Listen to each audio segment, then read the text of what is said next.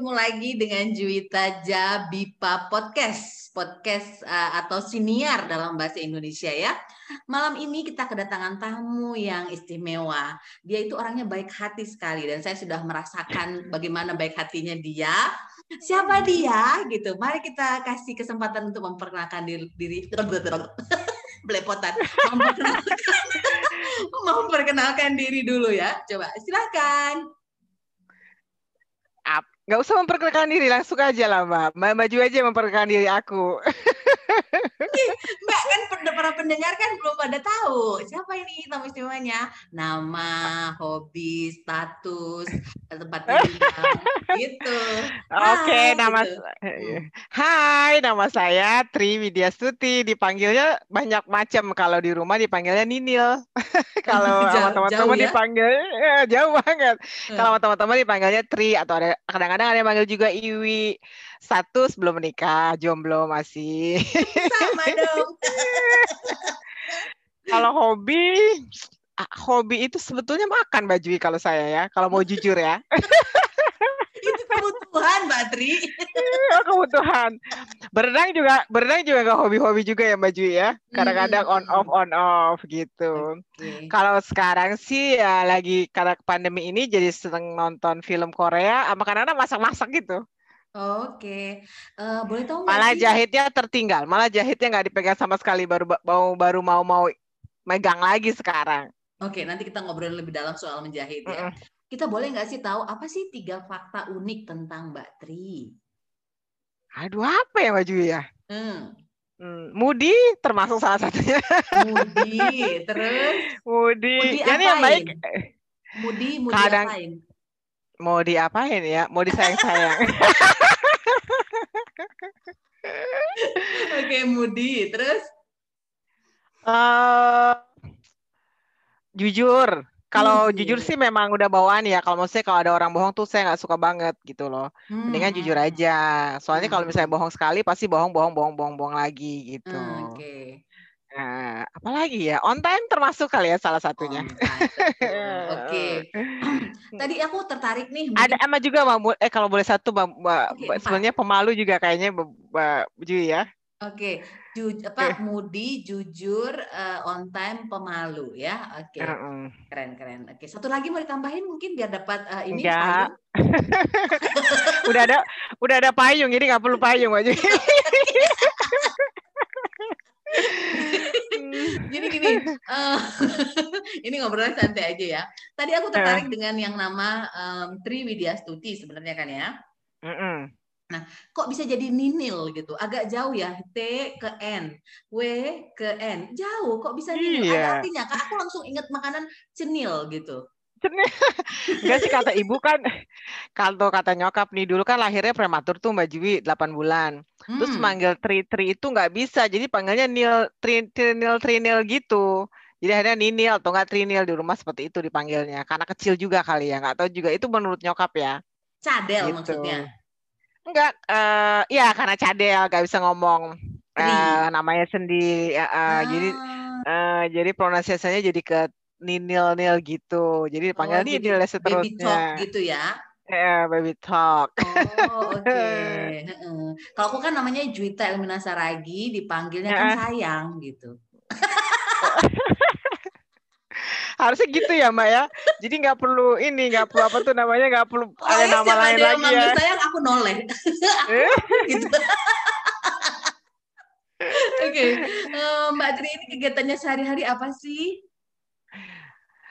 Intinya sih kalau sehari-hari kerja ya masih kerja Uh, terus kalau habis pulang kerja ya langsung tidur makan uh, kecuali Sabtu Minggu dulu sih sebelum pandemi masih sering tuh mbak jahit-jahit segala macem. Nah terus kan sejak bulan Maret sampai sekarang itu PSBB? work from home. Mm-hmm, ah, pokoknya work from home dari bulan Maret. Tapi itu pun juga baru belakang-belakangan ini semenjak kantor ada yang positif, jadi sama sekali lah nggak ke kantor gitu. Nah tuh belakang ini jadi senang masak tuh Mbak Jui. Masak, masak. Kadang-kadang nyoba dikirim ke kakak-kakak. Jadi testing, testing. Coba testimoni, testimoni gimana gitu. Ada yang Tapi sampai tetap... masuk rumah sakit nggak habis makan-makan Mbak Tri? Enggak dong. Pasti pada bilang, eh, PO aja.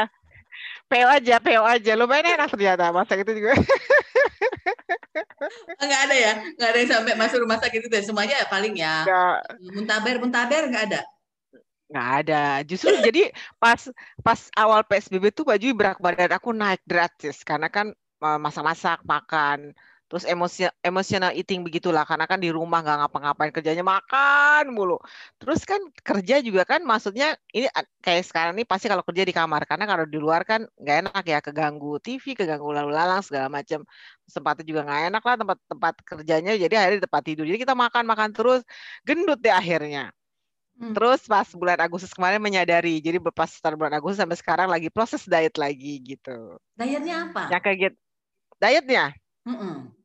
dietnya eh, pertama kali ini Mbak Jui nekat, intermittent intermittent fa- fasting. Jadi ngikutin Deddy Hah? Corbuzier, ala-ala Deddy Corbuzier. Yang Plus berapa olahraga. jendelanya yang berapa jam?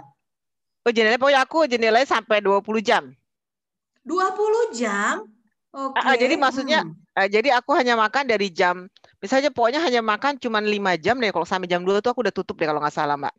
Jadi dari jam 2 baru baru makan jam 2 makan siang. lagi ah baru enggak makannya sebentar ya pokoknya ah, dihitung sorry antara pokoknya eh, 18 sam- ah, 16 18 16 16 dan 18 sorry nggak sampai 20 sih itu berhasil turun gitu. Jadi- selama Hmm. jadi ah, Jadi jadi kan gini jam semakin 2, jam 2 sampai jam 6 jam- sore. Itu bisa makan enggak gitu. misalnya enggak misalnya gini jam 9 jam 9 makan berarti kan 10 11 12 13 14 15 16 17 18 19 20 satu dua dua dua tiga satu dua tiga empat lima enam kok aku jadi bingung sendiri ya pokoknya antara aku makan jam 9 sampai Pagi? misalnya eh, sorry berangkat jam makan jam 10 pagi jam 2 Sampai? tuh udah nggak makan lagi sampai jam 2 Sampai jam 2 boleh makan, habis jam 2 nggak boleh lagi makan. enggak sampai sekarang Ngemil ketemu jam juga 10 nggak lagi boleh. enggak Mengunyah nggak boleh ya. nggak maunya Mm-mm. Oke, turun itu berapa? berhasil Turun berapa selama kilo? dua terus plus olahraga berat nih Mbak Jui jadi bawa angkat angkat Ngangkat-ngangkat beban kursi, ngangkat-ngangkat kasur gitu, enggak? Ya, beli angkat beban yang 3 kg kiri kanan jadi 6 kilo dong Oke, jadi setiap 6 kilo. melakukan Oh, gerakan pokoknya pokoknya lihat di YouTube nyetel musik gerak-gerakan yang dulu kan dulu pernah PT ya jadi diulang lagi sendiri gitu itu Hmm. selama dua bulan turunnya cuma 4 kilo Mbak Jui capek ya udah capek-capek Dua bulan dan nggak ada yang tahu lagi ya, yang 2 kilo itu ya. 4 kilo nggak ada yang Dua tahu nggak ada yang tahu. Ya, orang lain nggak ada yang tahu. Hmm. akhirnya diputusin ya udah deh ke dokter gizi aja sekarang jadi sama dokter gizi Mbak Jui Oh iya gimana sih? Aku penasaran deh dengan dokter gizi itu. Mereka itu ngatur nutrisi kita atau gimana sih? Sebenarnya eh, sebetulnya intinya gampangnya adalah defisit kalori sih kalau menurut aku sih Mbak Jui. Cuman eh, yang pertama aku udah udah dua kali nyoba dokter gizi nih. Yang pertama di dokter Joko. Nah, itu dokternya galak banget Mbak Jui. Masya Allah Tuhan. Maksudnya dia bawa aja di- bawa bawa cambuk gitu atau Suka galaknya? kertas. Eh? Galaknya eh, verbal. Maksudnya Iya ya, bullying secara verbal kalau menurut aku. Jadi misalnya aku nanya-nanya gitu, dia cuma ngomong gini, Ibu bisa baca nggak? Saya ini cuma punya waktu sedikit dan dan dan suara saya berharga karena saya tuh banyak pasiennya. Orang konsultasi digituin, misalnya kita nggak nggak nggak turun gitu. Ini ibu pasti ngelanggar gini, padahal kita nggak ngelanggar. So, Itu udah aku, tapi Mbak Tri tetap datang. jadi males-malesan kan Mbak Jui. Jadi males lah ketemu dokternya. Berapa Nah, kali terus- sempat ketemu dokternya? Tiga kali. Tiga kali itu Hmm. sudah jadi tuh waktu pertemuan yang terakhir tuh digituin Mbak Jui.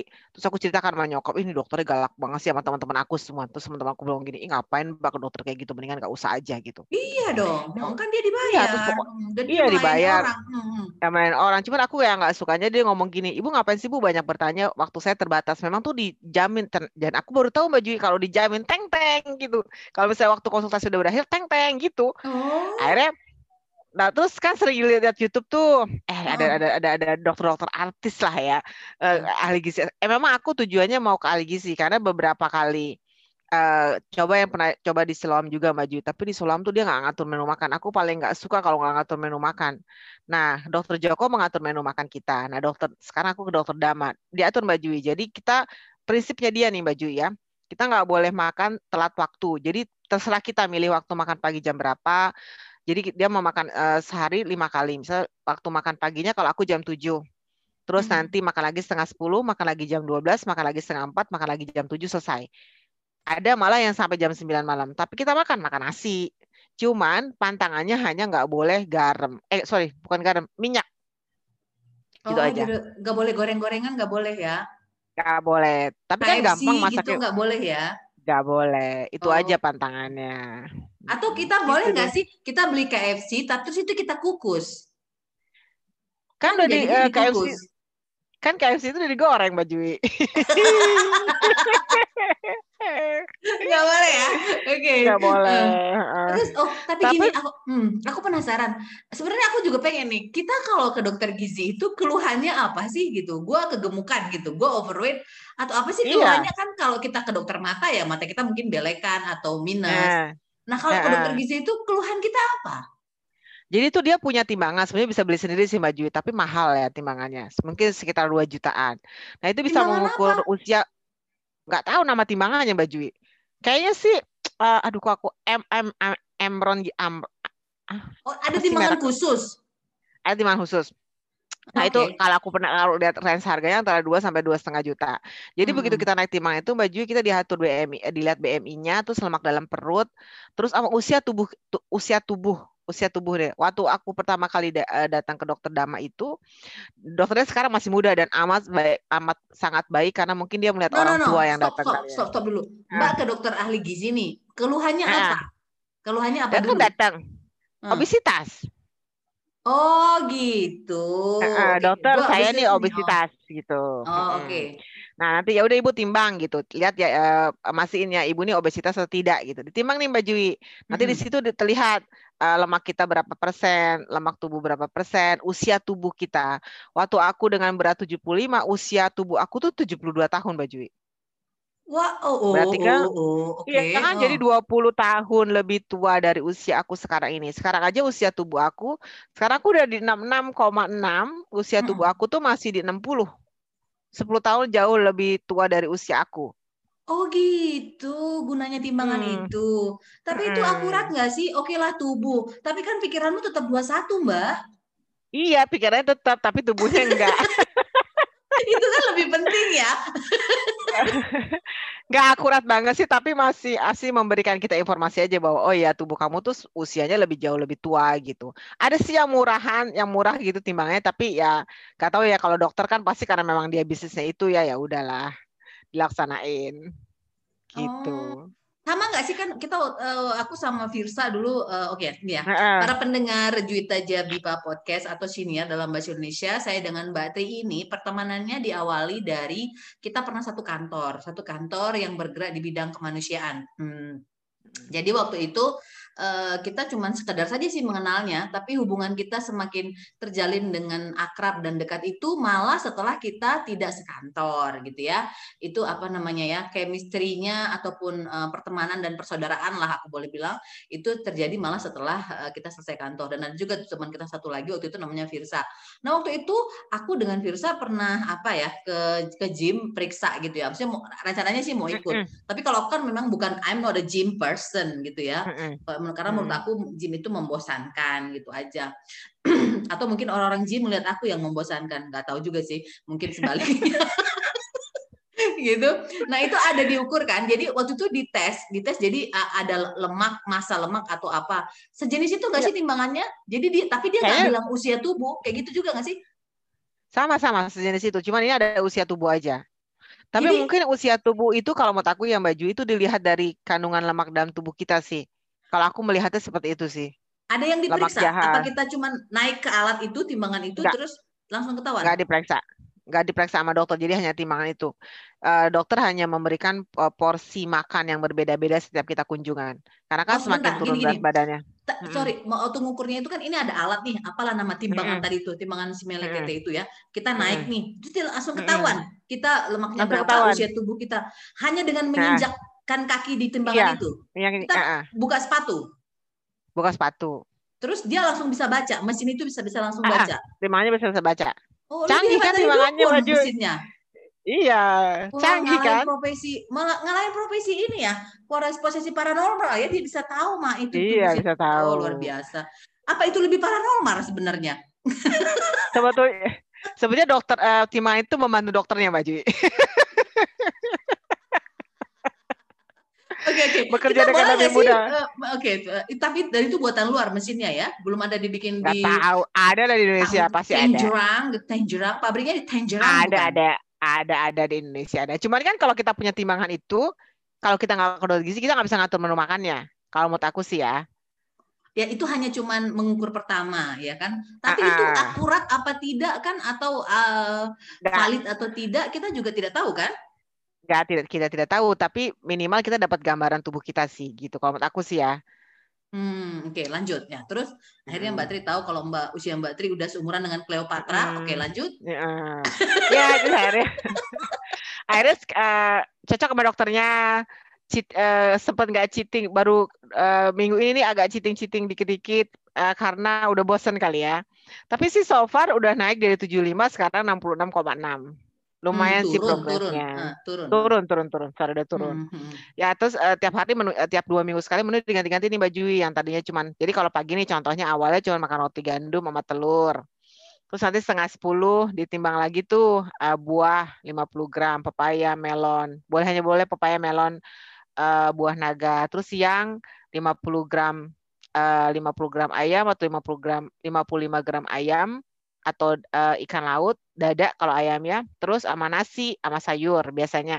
Nah, itu eh, harus direbus nggak boleh nggak nggak nggak maksudnya nggak direbus sih di di bumbu masak apa pun boleh kecap saus tomat boleh kalau aku sih biasanya suka dikasih apa sih namanya kayak dibuat agak kayak dibuat kayak pakai kecap manis kayak gitu terus malamnya menu yang sama eh, terus udah siangnya setengah empat eh, buah menu yang sama itu aja dijalanin aja terus terus terus terus Hmm. nah di minggu-minggu ini nih karena mungkin banyak kerjaan stres segala macam itu kan berpengaruh ya Hmm. tidur terlalu malam juga berpengaruh itu agak cheating-cheating dikit gitu.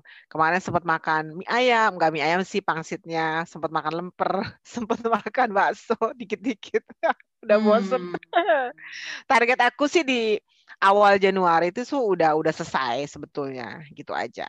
Hmm, Oke, tapi ini nggak sih eh, apa dasar dokter itu menentukan diet kita?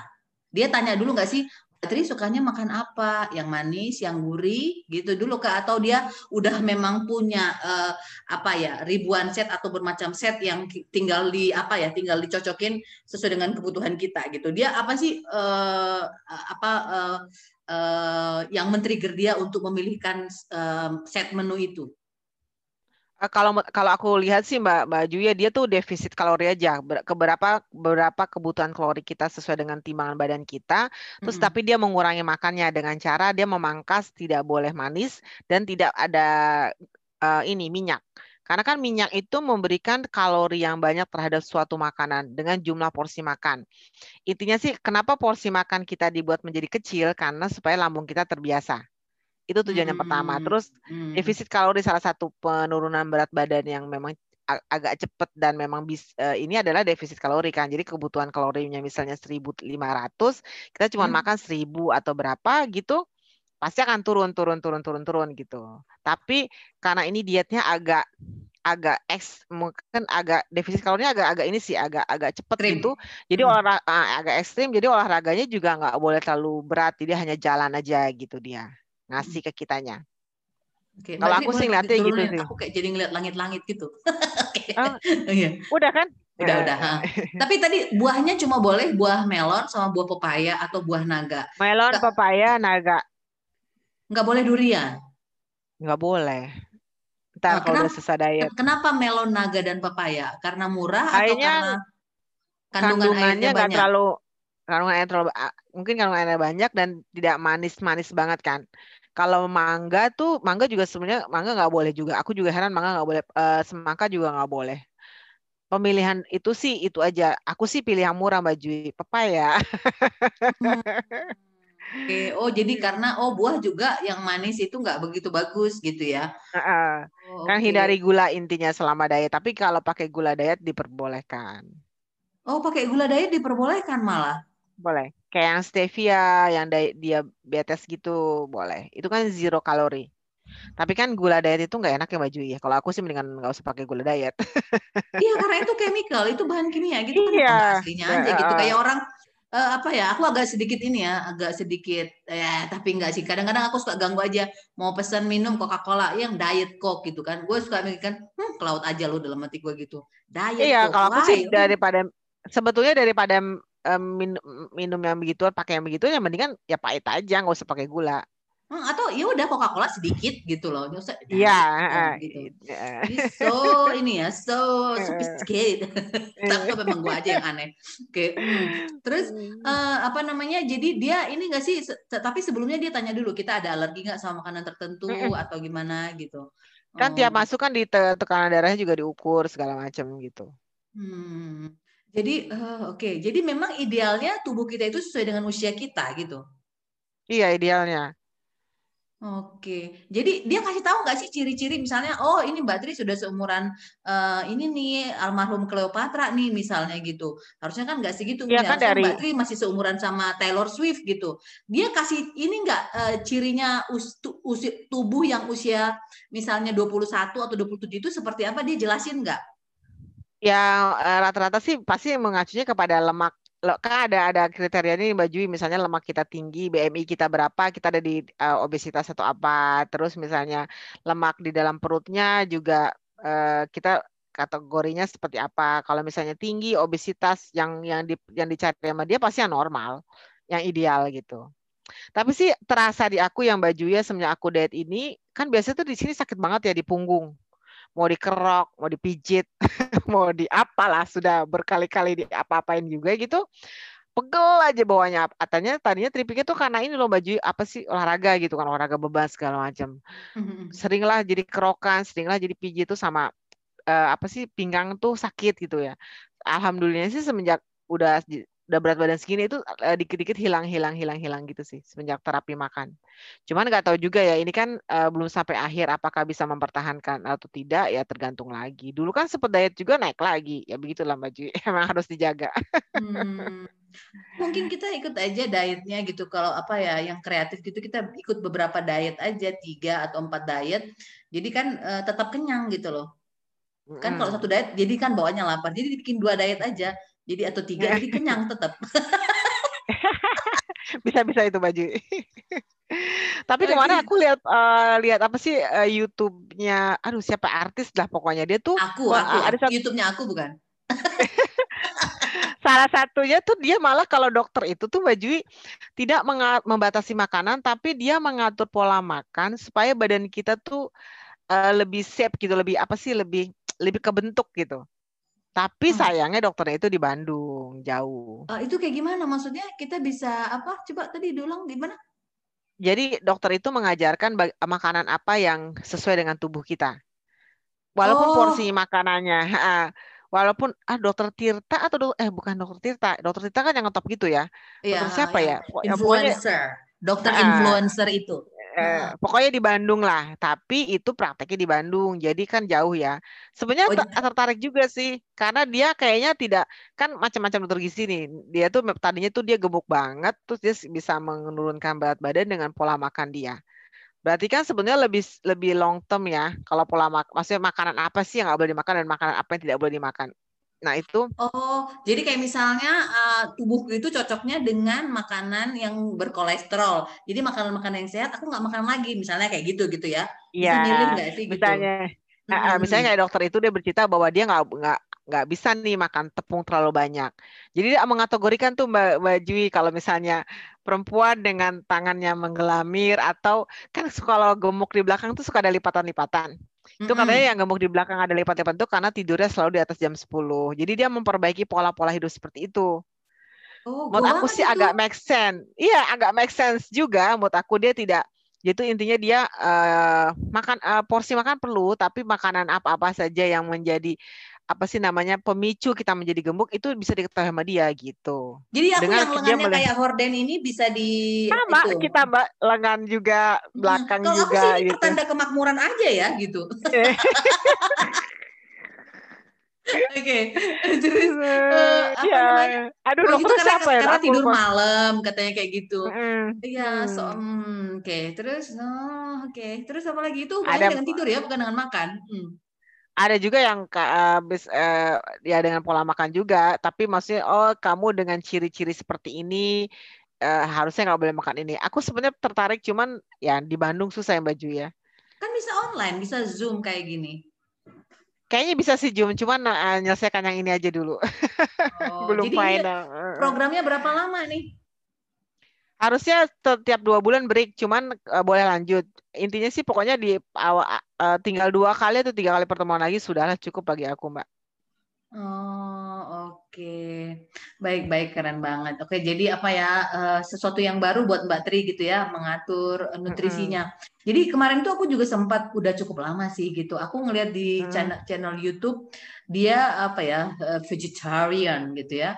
Jadi kan uh, hmm. apa sih hmm. vegetarian? Dia menurut aku dia mungkin karena dia eye catching, bagus sekali videonya gitu dan orangnya enak dilihat hmm. gitu. Dia cerita tentang vegetarian dan menu-menunya dan itu praktis gitu. Uh, aku tertarik pertamanya gini karena dia masak tanpa perlu harus menyalain kompor. Itu kan prinsipku banget ya. Jadi kalau perlu gue makan tapi nggak perlu ngunyah. Itu kan gue ya. Gue pengen masak enak tapi nggak usah nyalain kompor. Pengen uh, mengkonsumsi makanan enak tapi nggak perlu mengunyah gitu. Itu gua itu kan. Nah, dia tuh nggak tahu gitu. Kan ini sekarang panas, jadi nggak perlu nyalain kompor gitu. Jadi dia apa mix salad kayak gitu gitulah. Jadi pokoknya keren gitu. Dan dia ini sekali slim gitu kan. Terus aku apa ya uh, apa kok bagus banget gitu kan. Dan tapi dia hmm. porsinya hmm. banyak gitu. Dan kayaknya tiga kali lipat porsi yang aku makan gitu. Jadi sekali makan salad itu kayaknya itu bisa porsi buat empat orang gitu. Dia banyak gitu makannya. Hmm dan dia tetap tetap langsing gitu tetap yang ya slim lah gitu bahkan tergolong kurus malah menurut aku gitu. Lama-lama aku curiga gitu. Ah ini settingan gitu.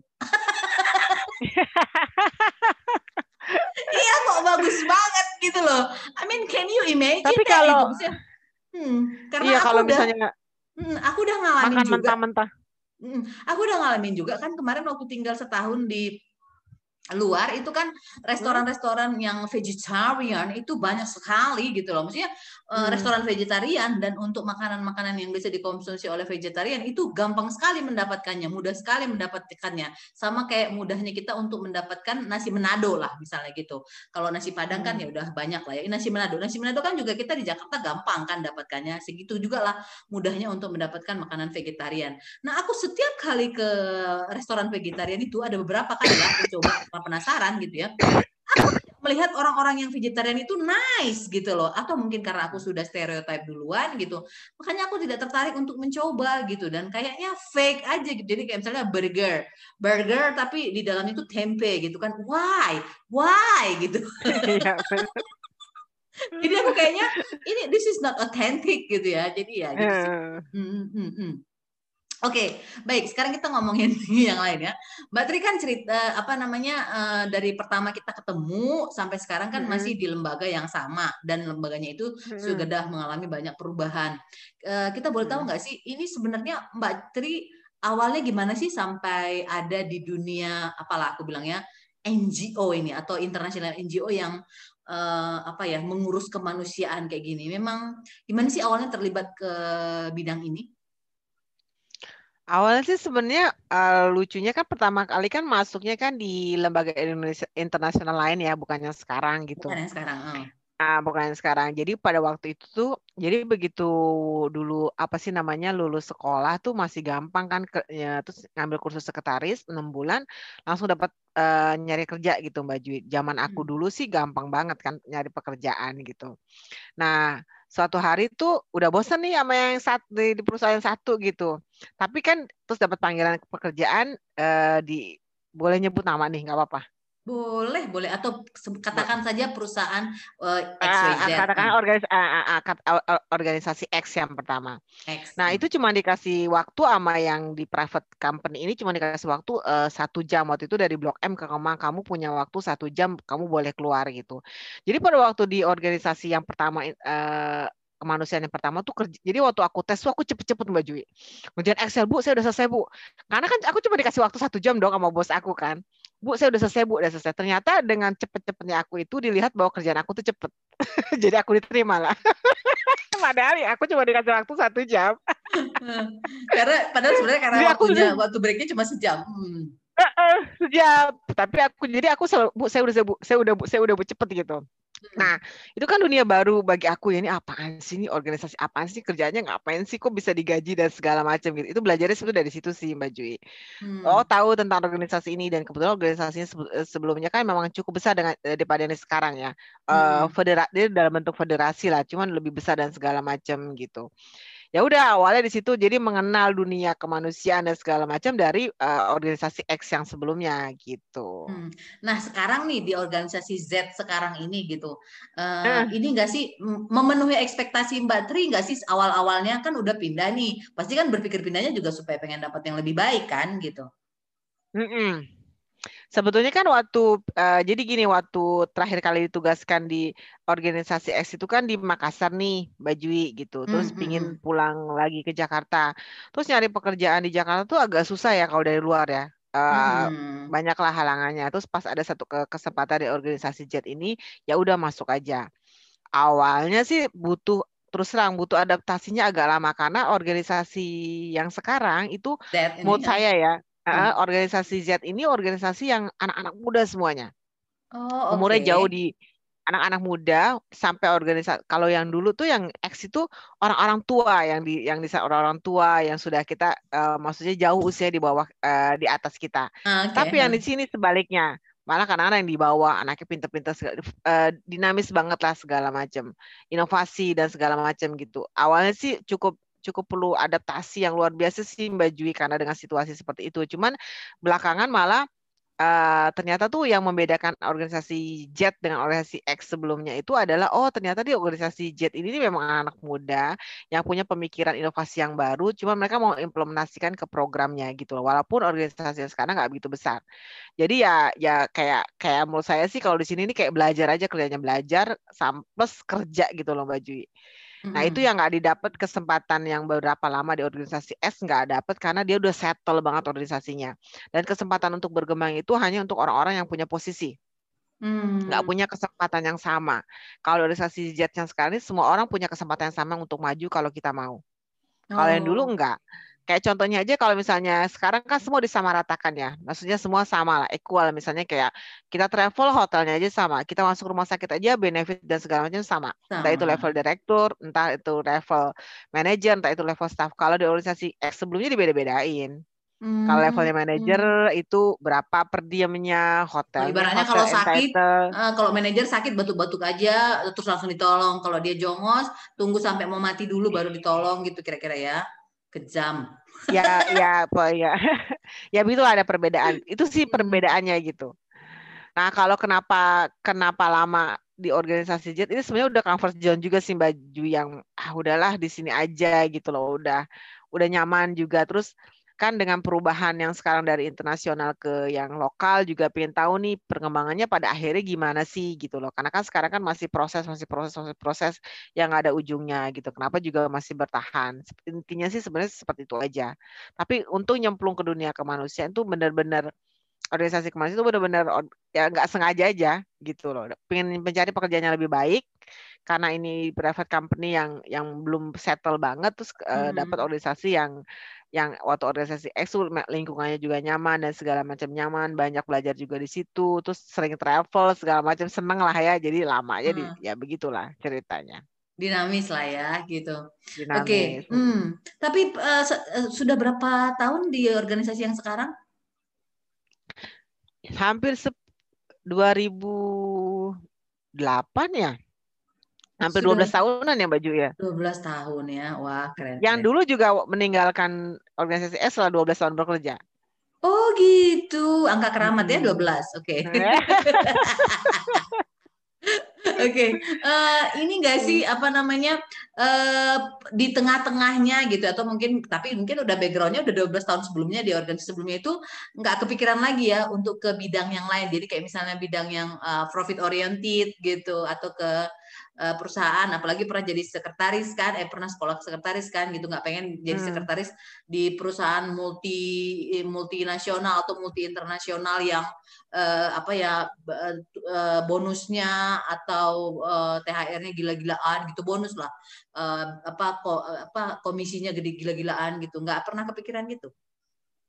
Enggak maju udah males. Intinya sih udah malas iya. aja. Udah comfort zone kan aku bilang. Jadi untuk pindah kayaknya udahlah di sini aja gitu karena udah menguasai sebetulnya kan kalau misalnya kita udah tahu cara kerjanya orangnya gimana gitu lingkungannya gimana kan sebetulnya ada beberapa hal juga keuntungan bagi kita kan jadi kalau misalnya kita bu ada keperluan mendadak atau gimana tuh masih bisa lah dicuri-curi waktu gitu okay. itu sih kalau kita baru lagi kan kita menyesuaikan lagi dan segala macam Iya.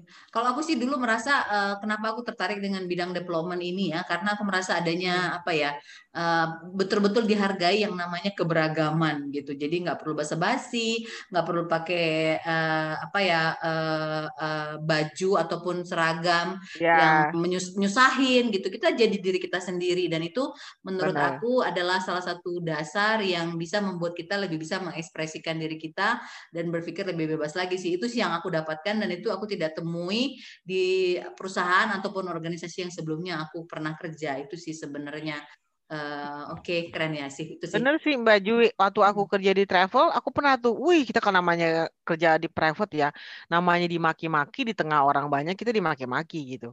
Pas di hmm. organisasi ini nih kayaknya mereka lebih menghargai pendapat, lebih menghargai perbedaan. daripada kita uh, perbedaan segala macam itu lebih lebih uh, dihargai sih lebih ke situnya bukan kalau misalnya cara berpakaian dan segala macam itu kalau uh, itu juga juga menarik juga karena kan begitu kita masuk di organisasi ini kan memang kita beragam banget kan maksudnya apalagi hmm. setelah yang terakhir ini dia lebih lebih jauh menghargai daripada organisasi yang sebelumnya. Hmm, ya sih. Oke. Eh tadi kan Mbak Tri sempat ngobrol nih soal ini, soal jahit menjahit. Itu gimana ceritanya? Hmm. Tapi sebelum jahit aku pernah penasaran nih. Mbak Tri itu aku pernah tahu dirimu serius dan apa ya benar-benar meluangkan waktu gitu. Cuma aku nggak diterima sih waktu itu jadi ini ya. Kan Mbak Tri pernah menekuni fotografi gitu ya. Aku sempat mau menawarkan diri jadi modelnya sih, tapi aku tahu aku tidak memenuhi persyaratan. itu hmm. itu gimana sih ceritanya kok sampai berhenti gitu? Berhenti apa memang vakum dulu apa gimana sih ceritanya gitu loh. Karena itu salah satu bidang yang aku sukai juga gitu loh.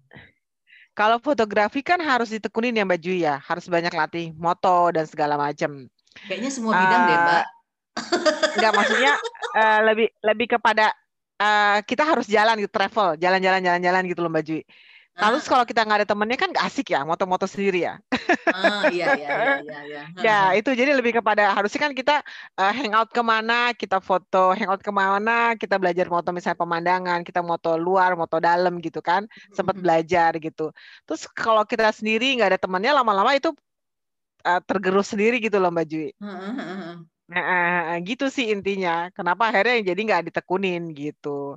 Teman travelnya juga udah banyak yang, maksud udah udah udah, udah terus lama-lama kan teman-teman kita tuh menikah, punya anak, udah nggak sempet hmm. Iya, yeah. fotografi itu pernah misalnya kita mau moto di taman itu yuk kita hangout ke sana rame Terus kalau sendiri kan gak enak aja gitu loh baju. Yeah.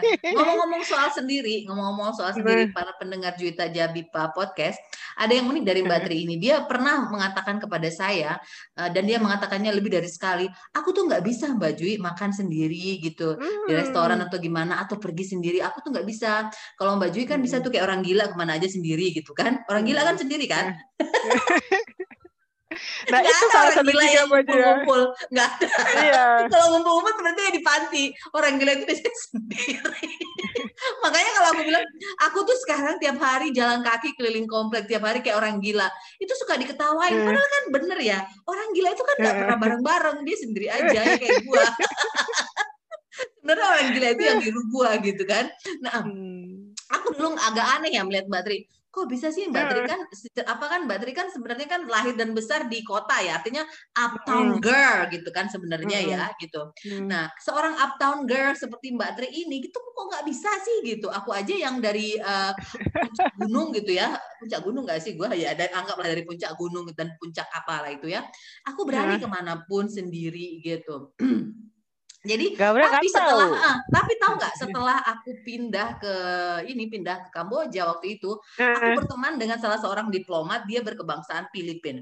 Nah dia dia dia, dia ternyata apa ya sama seperti Mbak Tri dia malah pernah tinggal beberapa kali di negara lain gitu ya sama hmm. apa karena tugas orang tuanya dia itu bilang hmm. Juwita di aku itu nggak ada maksudnya di budaya yang kami katanya di budaya kami itu itu makan sendiri itu adalah kesedihan katanya Oh really? Gitu. Hmm. Gitu. Iya.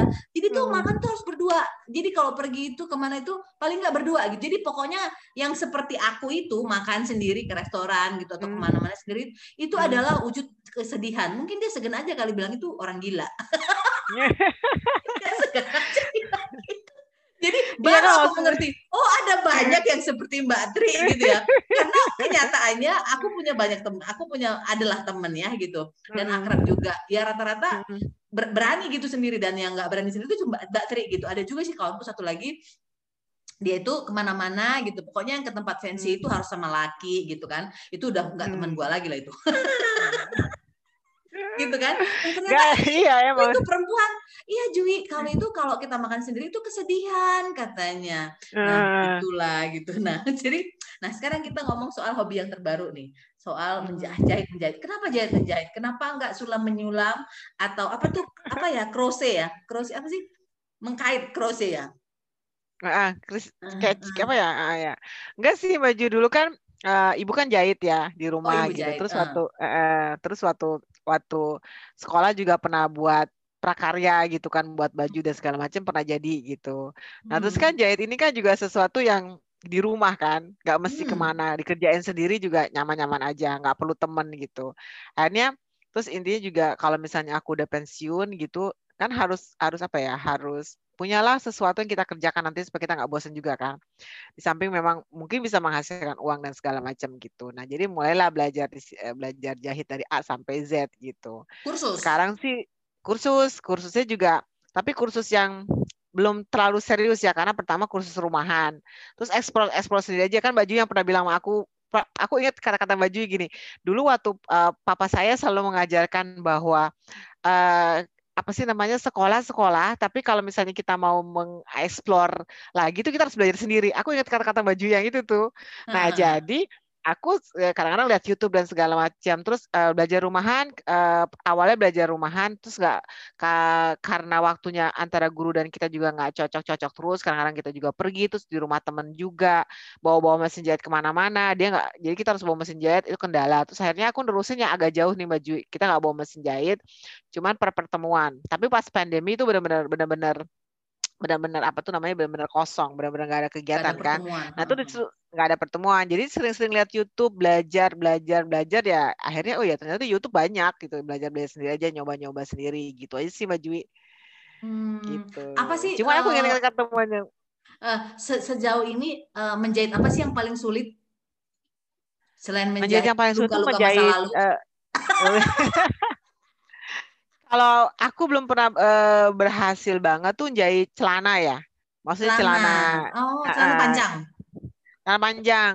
Karena agak uh, belum pernah berhasil aja sih dan uh, mencoba mencobanya tuh belum full waktu itu baru baru sedikit tuh nggak dilanjutin gitu. Oh, kenapa susah ya? Karena dia terdiri dari Karena kan ada di bagian gimana? Karena kan bagian uh, apa sih namanya uh, kancing depannya tuh resleting depannya kantongnya tuh agak-agak ribet kalau menurut aku. oh, nggak usah pakai kantong. Dan belum tentu bisa. tapi kan belum tentu juga enak dipakai kan baju ya. Oh oke. Okay. Yeah. Oh itu yang celana Masih, belum berhasil ya. Kalau rok mini, uh, kemeja perempuan, daster sudah, bisa sudah. lah ya. Bisa daster, mau kena bisa. Oh, Oke, okay. tapi dengan kondisi sekarang nih, eh, Mbak Tri, uh, di hmm. keluargaku itu ada empat perempuan, saat, cuma hmm. satu yang bisa menjahit karena juga dia memang ikut kursus menjahit dan dia pernah menjahit bajuku beberapa potong. Dia memang kursus ya gitu. Tapi kemudian dia udah beli aja, udah beli aja katanya setiap kita mau nyuruh gitu.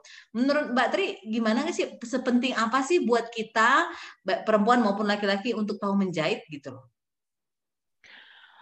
Nah, itu sama juga lebih kejadian hemat kalau sih gitu atau gimana? Lebih hem lebih hemat masih lebih hemat baju. Cuman terkadang kan gini ya.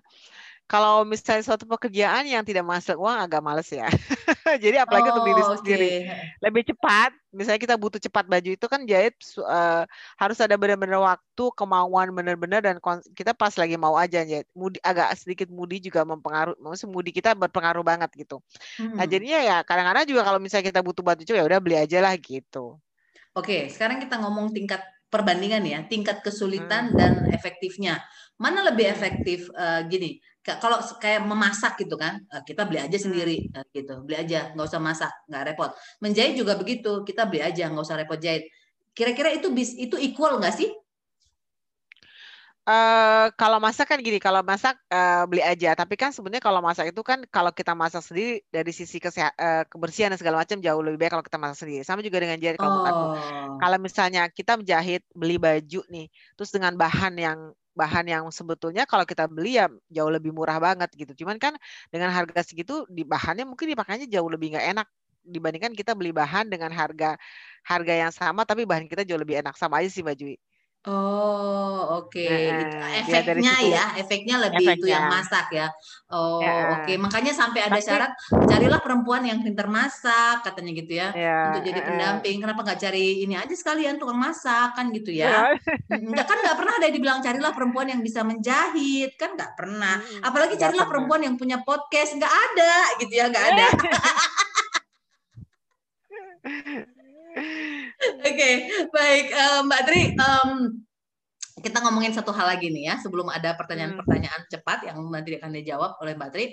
Eh, Kita hmm, ngomongin soal jalan-jalan. Jadi para pendengar Juwita Jabipa Podcast atau senior dalam bahasa Indonesia, saya ini pernah diajak oleh Mbak Tri untuk menikmati yang namanya jazz gunung ya, jazz jazz gunung. mm, Aku sih sejujurnya aku bukan penikmat musik jazz gitu. Menurut aku yang menikmati musik jazz itu adalah orang-orang tertentu dan orang-orang tertentu itu adalah bukan aku gitu ya.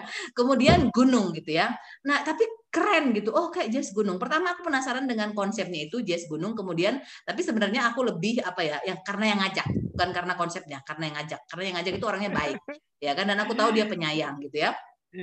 Kemudian kita waktu itu kemah ya gitu. Karena aku ingat terakhir mm, kemah itu ketika aku masih apa ya, masih apa, masih very young, innocent and apa ya, eh, masih sangat muda lah waktu itu dan kayaknya aku mm. menyesal waktu apa waktu kemah waktu SMA itu karena banyak nyamuk, banyak nyamuk dan kok kayaknya dingin gitu.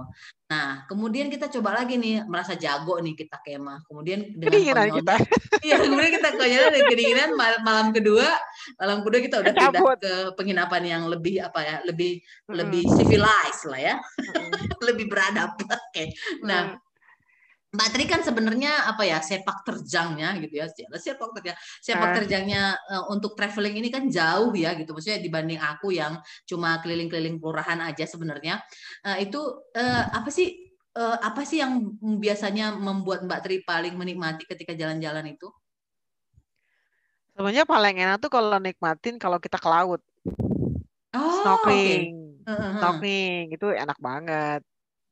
Oh Kan oke. kayak terakhir tuh kan ke Derawan ya, Heeh. pakai fin tuh baju ya, pakai fin. Wah, jalanku eh, berenangku bisa cepat, mengalahkan beberapa orang.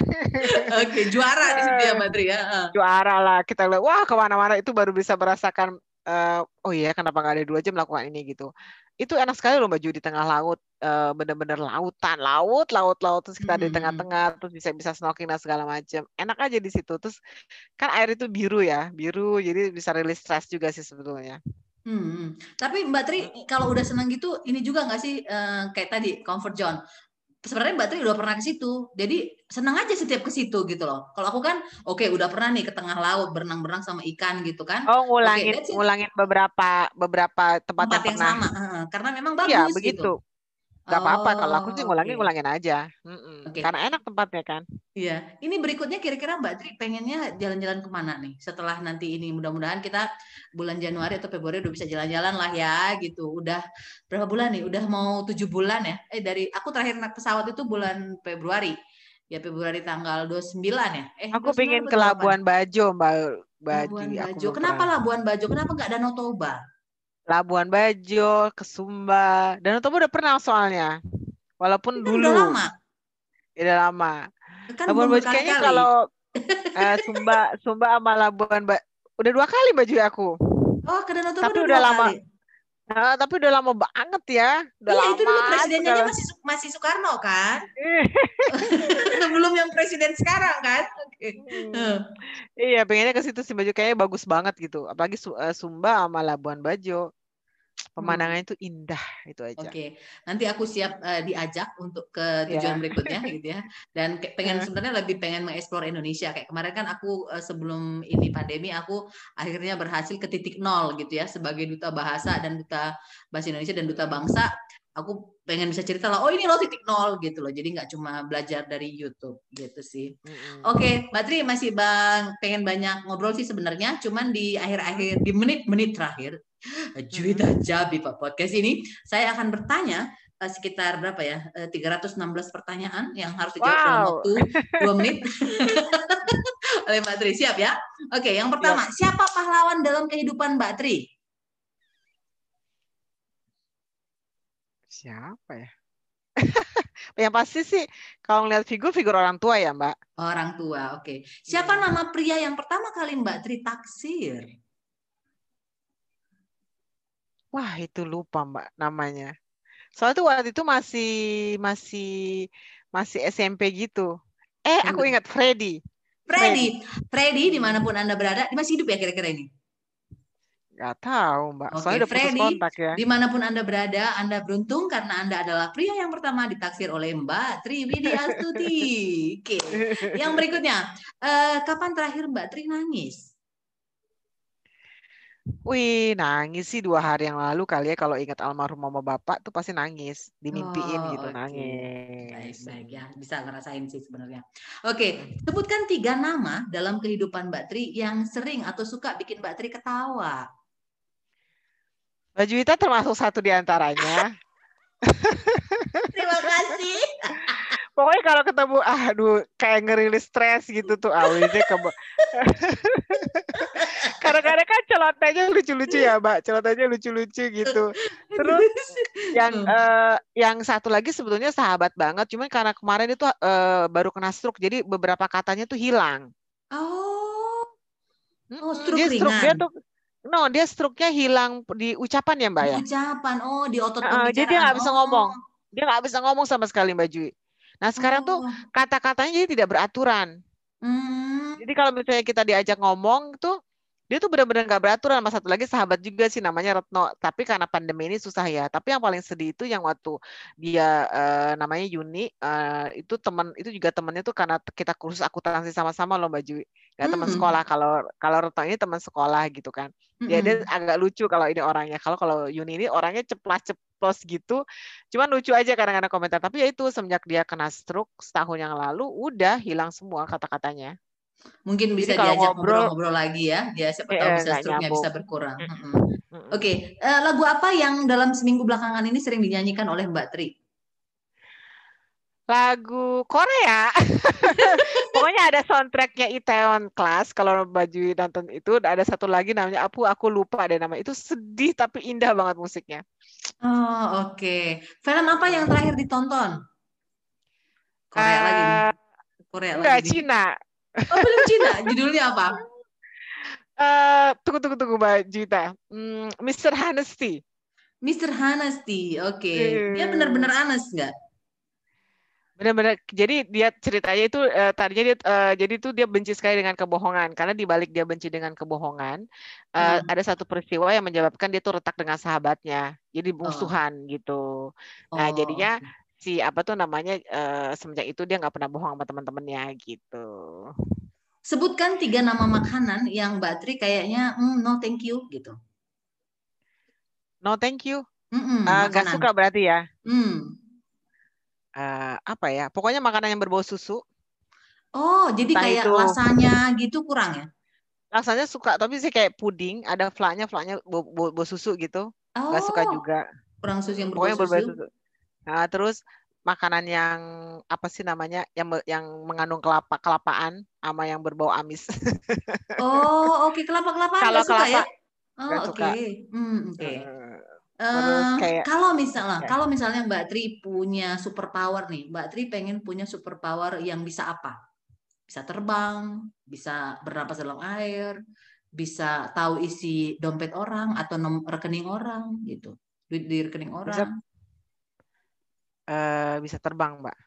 Bisa terbang ya, oke keren keren. Oke, kalau Mbak Tri punya ini super power nih, bisa menghidupkan orang yang sudah meninggal. Mbak Tri pengen menghidupkan siapa dan pengen mengapain sama dia? Pastinya ngidupin itu ya bapak lagi. Hmm, mau ngapain? Mau ngapain sama dia? Mau ngomong apa sama dia? Kangen bercandain sebetulnya Mbak Jui.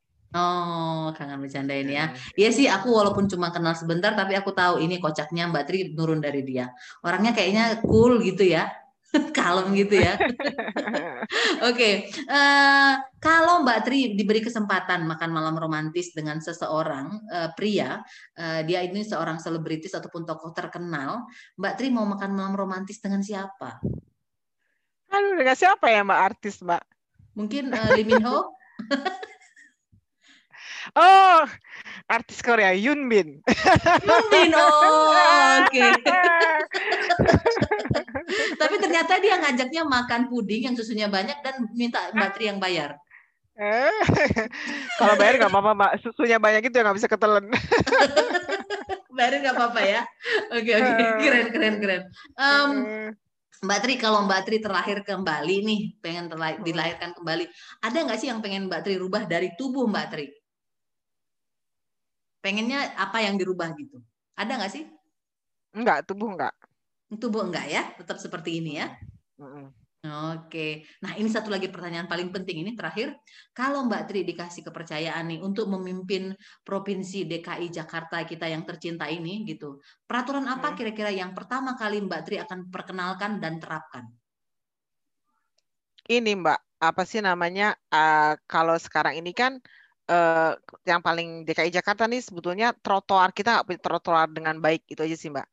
Oh. Terus jadi kadang-kadang uh, uh, um, jadi banyak uh, ka kalaupun ada banyak peng jadi kesempatan pejalan kaki itu nggak secure aja nggak aman aja mbak di jalan gitu jadi yang mau rubah ya jangan ada pengendara motor yang bisa naik naik segala macem gitu loh mbak naik naik kadang-kadang kita lagi jalan asik-asik gitu tiba-tiba ada motor lah di depan kita segala macam itu tuh sebenarnya harus ditindak tegas Oh, Oke, Kalau sekarang kan terkesan hmm. terkesannya kan pemerintah eh, DKI sekarang kan ya biarin aja gitu loh Mbak. Hmm. Malah galakan mereka daripada kita.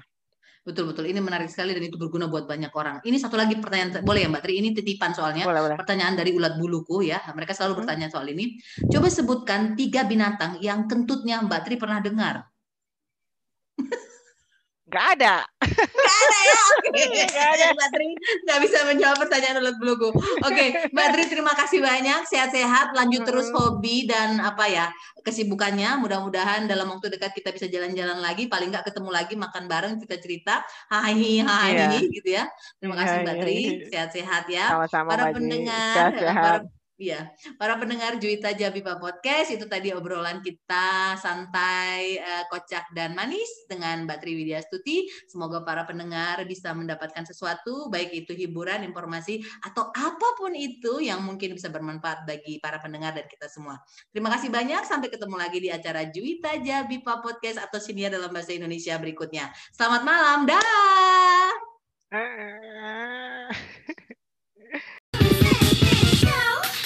sick, I sick, sick, I sick.